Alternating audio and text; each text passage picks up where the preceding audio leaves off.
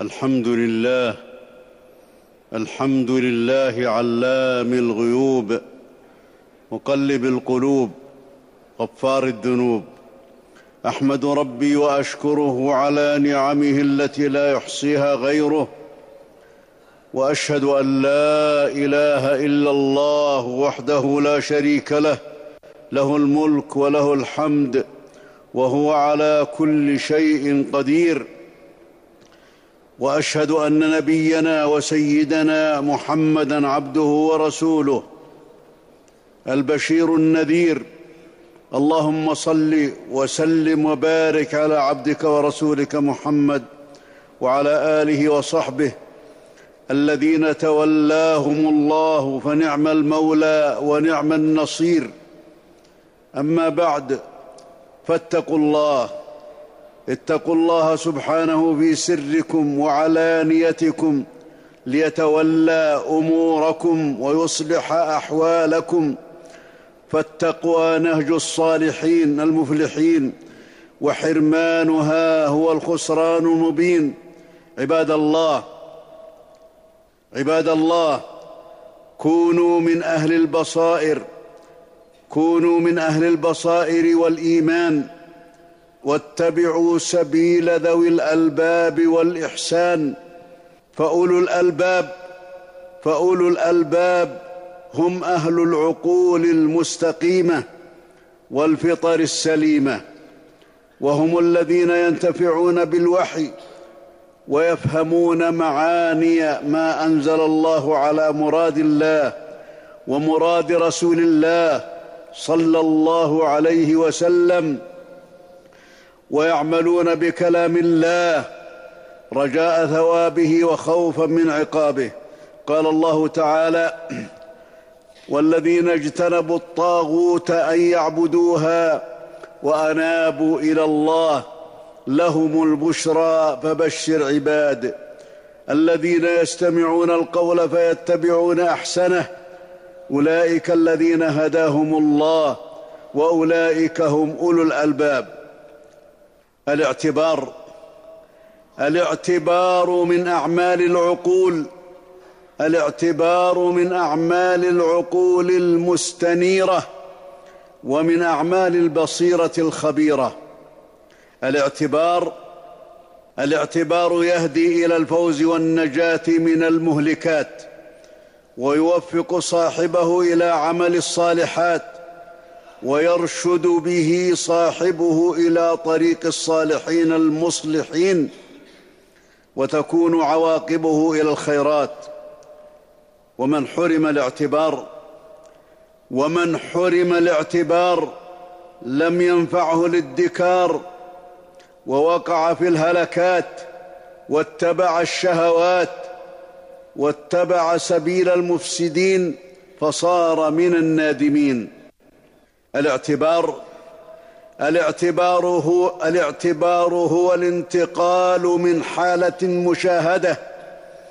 الاعتبار هو الانتقال من حالة مشاهدة أو حالة ماضية ذات عقوبة ونكال إلى حالة حسنة باجتناب أسباب العقوبة والنكال.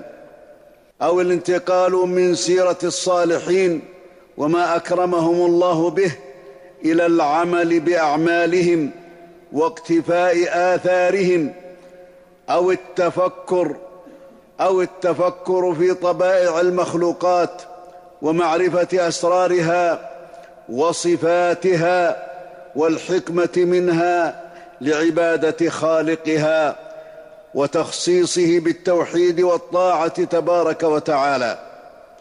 وقد خلق الله عز وجل الخلق وجعل للكون سننا فجعل الطاعة سببا لكل خير في الدنيا والآخرة. وجعل المعصية سببا لكل شر في الدنيا والآخرة. وهل وهل شقي بطاعة الله أحد؟ وهل سعد بمعصية الله أحد؟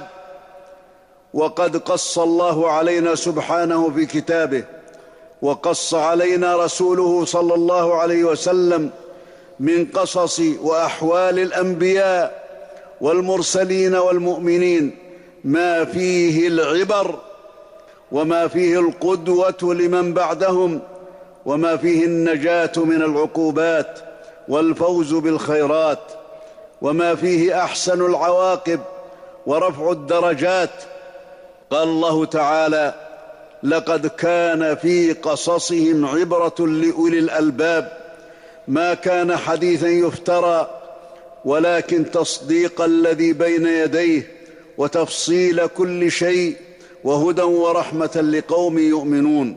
وقال سبحانه ثم ننجي رسلنا والذين آمنوا كذلك حقا علينا ننجي المؤمنين.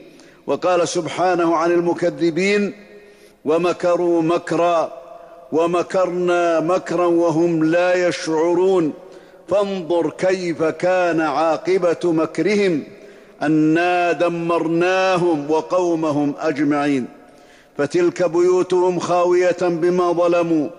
إن في ذلك لآية لقوم يعلمون.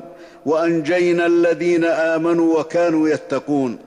ولما ذكر الله قصص كثير من الأنبياء عليهم الصلاة والسلام في سورة الشعراء ختم القصة بعد نجاة رسله والمؤمنين ختم القصة بعد نجاة رسله والمؤمنين معهم بقوله تعالى إن في ذلك إن في ذلك لآية وما كان أكثرهم مؤمنين وإن ربك لهو العزيز الرحيم. قال ابن كثير رحمه الله إن في ذلك لآية أي في هذه القصة وما فيها من العجائب والنصر والتأييد لعباد الله المؤمنين لدلالة وحجة قاطعة وحكمة بالغة. أي وحكمة بالغة وإن ربك لهو العزيز. أي الذي عز كل شيء وغلبه وقهره. الرحيم أي بخلقه فلا الرحيم أي بخلقه فلا يعجل على من عصاه بل ينظره ويؤجله ثم يأخذه أخذ عزيز مقتدر. وقال سعيد بن جبير الرحيم بمن تاب إليه وأناب. انتهى. وفي قوله تعالى وفي قوله تعالى في قصة قوم لوط عليه الصلاة والسلام إن في ذلك لآيات للمتوسمين. قال قتادة للمعتبرين. ذكره البغوي في تفسيره. فلا ينتفع فلا ينتفع بأحداث التاريخ والحكم من أحواله إلا المعتبرون المتفكرون. الذين يقتدون بأهل الصلاح والإصلاح ويتركون أهل الفساد والإفساد. وأما وأما من لا يعتبر ولا يتعظ ولا يحاسب نفسه ولا يعمل لآخرته ولا يحجزه ولا يحجزه دين ولا عقل عن القبائح والآثام فهو كالبهيمة. قال الله تعالى أم تحسب أن أكثرهم يسمعون أو يعقلون؟ إن هم إلا كالأنعام بل هم أضل سبيلا. وفي الحديث عن النبي صلى الله عليه وسلم إن المؤمن إذا مرض إن المؤمن إذا مرض فأصابه السقم ثم مات كان كفارة لذنوبه فيما مضى. وإن اعفاه الله منه كان كفارة لما مضى وموعظة لما يستقبل وإن المنافق إذا مرض ثم أعفي كان كالبعير عقله أهله ثم أرسلوه فلم يدر لما, لما عقلوه فلم يدر لما عقلوه ولا لما أرسلوه. رواه أبو داود. وما ذكر الله سيرة الأنبياء والمرسلين وخاتمهم نبينا صلى الله عليه وسلم إلا لنعتبر بتاريخهم ونقتدي بهديهم وأخلاقهم ونسلك طريقهم. وقد أمر الله نبيه محمدا صلى الله عليه وسلم بالاقتداء بمن سبقه. فقال سبحانه أولئك الذين هدى الله فبهداه مقتده وقال تعالى فاصبر كما صبر أولو العزم من الرسل. وقال تعالى عن مؤمن ياسين يا قوم اتبعوا يا قوم اتبعوا المرسلين. اتبعوا من لا يسألكم أجرا وهم مهتدون. وخاتمهم نبينا محمد صلى الله عليه وسلم. وخاتمهم نبينا محمد صلى الله عليه وسلم. الذي نسخ الله به الشرائع وبعثه بأكمل تشريع ودين أبدي وتكفل الله لمن تمسك بهديه أن يحيا حياة طيبة في الدنيا وفي الآخرة يدخله مع خير خلقه في دار السلام. قال تعالى ومن يطع الله والرسول فأولئك مع الذين أنعم الله عليهم من النبيين والصديقين والشهداء والصالحين وحسن أولئك رفيقا. فأي تكريم؟ فأي تكريم أعظم من هذا؟ وأي رفعة تداني هذه المنزلة؟ وكما قص الله تعالى علينا وكما قص الله تعالى علينا قصص الأنبياء عليهم الصلاة والسلام والمؤمنين بهم لنقتدي بهم ونسلك طريق النجاة معهم ونعتبر بسيرتهم ونعلم أحوالهم. كذلك قص الله تعالى علينا أخبار المكذبين لهم والمعاندين للحق والمستكبرين عن اتباعهم المؤثرين للحياة الدنيا على الآخرة المتبعين للشهوات والملذات لنعتبر بعقوباتهم. ونتعظ بما حل بهم من خزي الدنيا وعذاب الآخرة.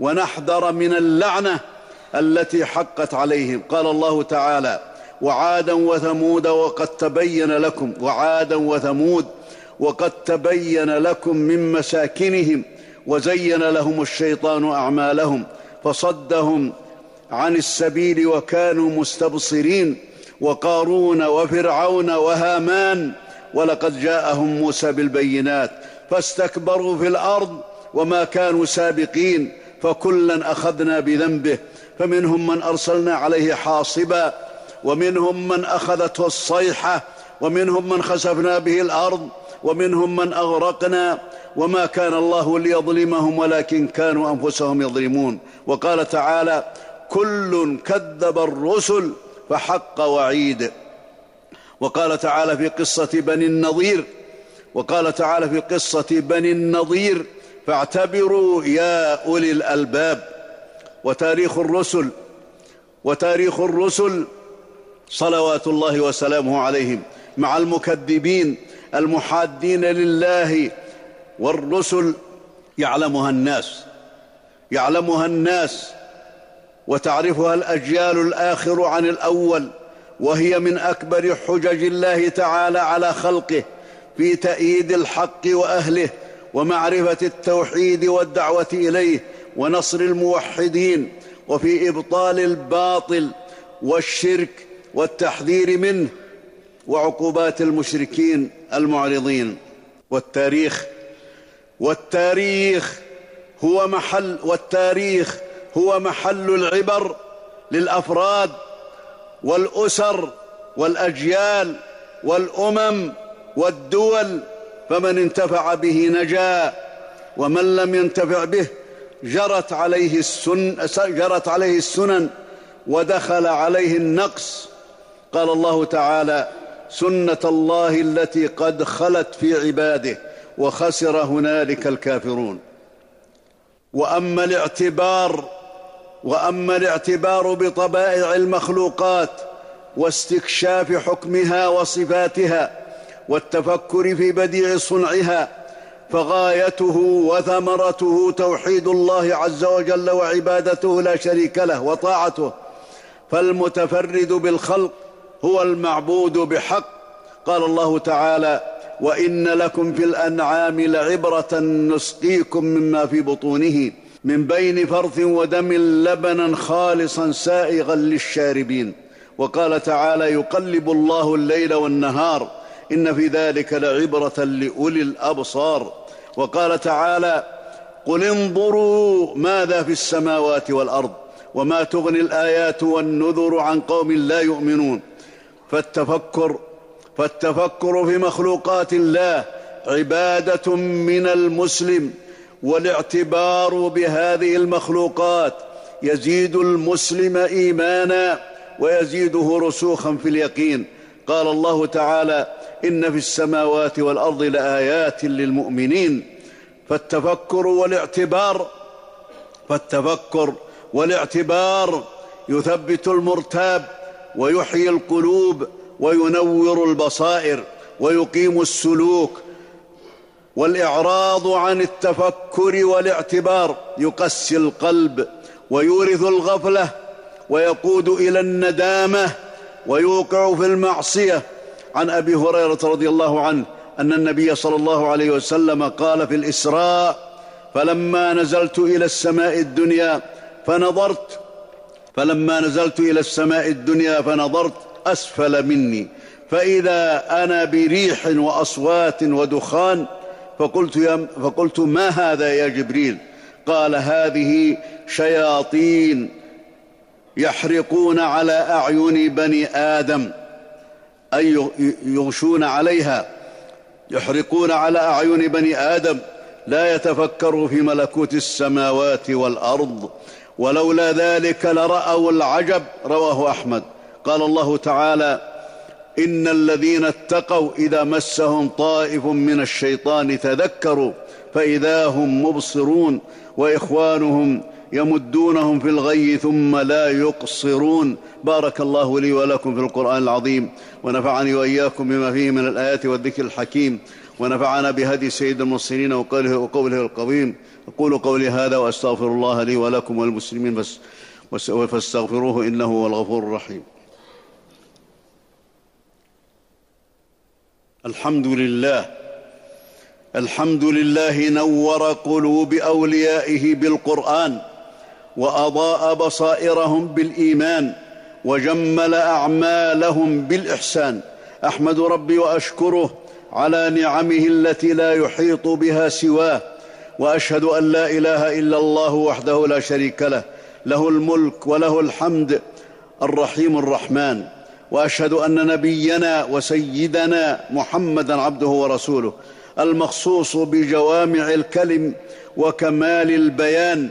اللهم صل وسلم وبارك على عبدك ورسولك محمد وعلى آله وصحبه والتابعين لهم بإحسان. أما بعد فاتقوا الله فاتقوا الله تعالى يغفر لكم ويجمع لكم الخير في حياتكم وبعد مماتكم. عباد الله حاسبوا أنفسكم قبل أن تحاسبوا. ولينظر أحدكم ولينظر أحدكم في عواقب الأمور ونفاد الأجل. فمن كثر اعتباره فمن كثر اعتباره قل عثاره. ومن حذر المعاصي والآثام عاش بسلام. ووفق لحسن الختام. والسعيد من اتعظ بغيره. والمغبون الشقي من وعظ به غيره. ولقد, ولقد ذم الله تعالى من اتبعوا الأهواء ولم يعتبروا ويتعظوا بما أتاهم من الأنباء. قال تعالى وكذبوا وكذبوا واتبعوا أهواءهم وكل أمر مستقر. ولقد جاءهم من الأنباء ما فيه مزدجر. حكمة بالغة فما تغني النذر. ألا إن لله ألا إن لله سبحانه سنن سننا في الثواب والعقاب. فمن صادم سنن الله سحقته واضمحل وانحط وذل. قال تعالى سنة الله في الذين خلوا من قبل ولن تجد لسنة الله تبديلا. وفي الحديث أكثروا ذكر هذه من لذات الموت. فمن ذكر الموت حسن عمله ومن نسي الموت ساء عمله. عباد الله إن الله وملائكته يصلون على النبي. يا أيها الذين آمنوا صلوا عليه وسلموا تسليما.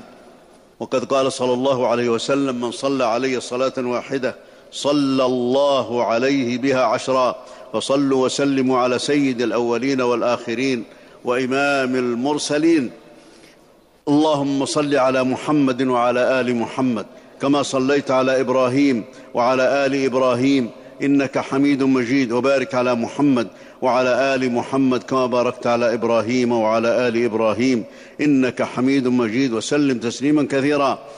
اللهم وارض عن الصحابة أجمعين اللهم وارض عن الصحابة أجمعين وعن الخلفاء الراشدين الأئمة المهديين أبي بكر وعمر وعثمان وعلي وعن سائر الصحابة أجمعين.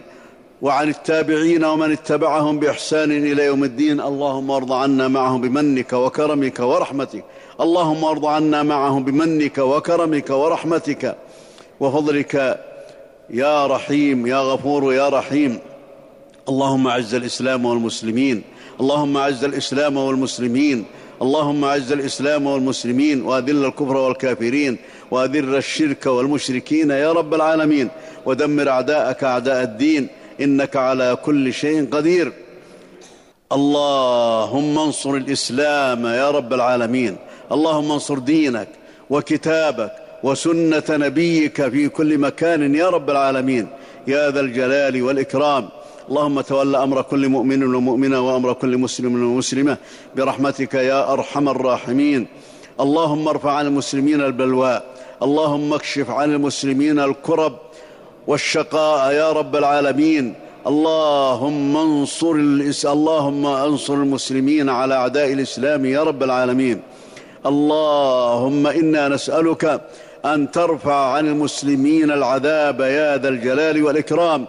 اللهم يا أرحم الراحمين نسألك يا ذا الجلال والإكرام أن تكف أيدي الظالمين. الذين قتلوا المسلمين والذين أخرجوهم من ديارهم. يا ذا الجلال والإكرام. اللهم إنهم لم ينتقموا منهم ولم يقتلوهم إلا إلا بغيا وعدوانا وظلما. يا رب العالمين أنت الناصر لهم إنك على كل شيء قدير. اللهم احفظ مقدسات المسلمين. اللهم احفظ مقدسات المسلمين. يا أرحم الراحمين. اللهم إنا نسألك يا ذا الجلال والإكرام أن توفقنا لما تحب وترضى. اللهم أعنا على ذكرك وشكرك وحسن عبادتك. اللهم اغفر لنا ما قدمنا وما أخرنا وما أسررنا وما أعلنا وما أنت أعلم به منا. أنت المقدم وأنت المؤخر. لا إله إلا أنت. اللهم اغفر لأمواتنا. اللهم اغفر لأمواتنا وأموات المسلمين. يا ذا الجلال والإكرام يا أرحم الراحمين. نور عليهم قبورهم وزد في حسناتهم وتجاوز عن سيئاتهم. يا أرحم الراحمين. اللهم إنا نسألك يا ذا الجلال والإكرام أن تحسن لنا العاقبة وللمسلمين. إنك يا رب العالمين رب, رب إنك رب رحيم. اللهم احفظ بلادنا من كل شر ومكروه يا ذا الجلال والإكرام. اللهم احفظ جنودنا واحفظ حدودنا. اللهم أنزل الطمأنينة والسكينة في بلاد المسلمين عامة يا رب العالمين. واكفها شر كيد الأعداء إنك على كل شيء قدير. اللهم وفق خادم الحرمين الشريفين لما تحب وترضى.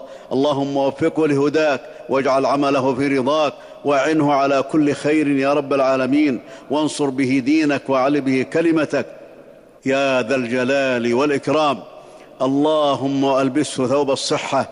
إنك أنت الله الرحمن الرحيم. اللهم وفق ولي عهده لما تحب وترضى. اللهم وفقه لهداك واجعل عمله في رضاك. وأعنه على كل خير. اللهم أعنه على ما فيه الخير للإسلام والمسلمين. يا ذا الجلال والإكرام. اللهم فرج كربات المسلمين. اللهم فرج كرباتهم. اللهم اقض الدين عن المدينين واشف مرضانا ومرضى المسلمين. اللهم أعدنا وأعد ذرياتنا من إبليس وجنوده وشياطينه يا رب العالمين. وعدنا وذرياتنا من شياطين الإنس وشياطين الجن وعدنا من شرور أنفسنا. اللهم أعد المسلمين وذرياتهم من الشيطان الرجيم. ومن كل شر يا رب العالمين إنك على كل شيء قدير. ربنا لا تؤاخذنا إن نسينا أو أخطأنا. ربنا ولا تحمل علينا اصرا كما حملته على الذين من قبلنا. ربنا ولا تحملنا ما لا طاقة لنا به واعف عنا واغفر لنا وارحمنا. أنت مولانا وانصرنا على القوم الكافرين. عباد الله إن الله يأمر بالعدل والإحسان وإيتاء ذي القربى وينهى عن الفحشاء والمنكر والبغي يعظكم لعلكم تذكرون فاذكروا الله العظيم الجليل يذكركم واشكروه على نعمه يزدكم ولذكر الله أكبر والله يعلم ما تصنعون.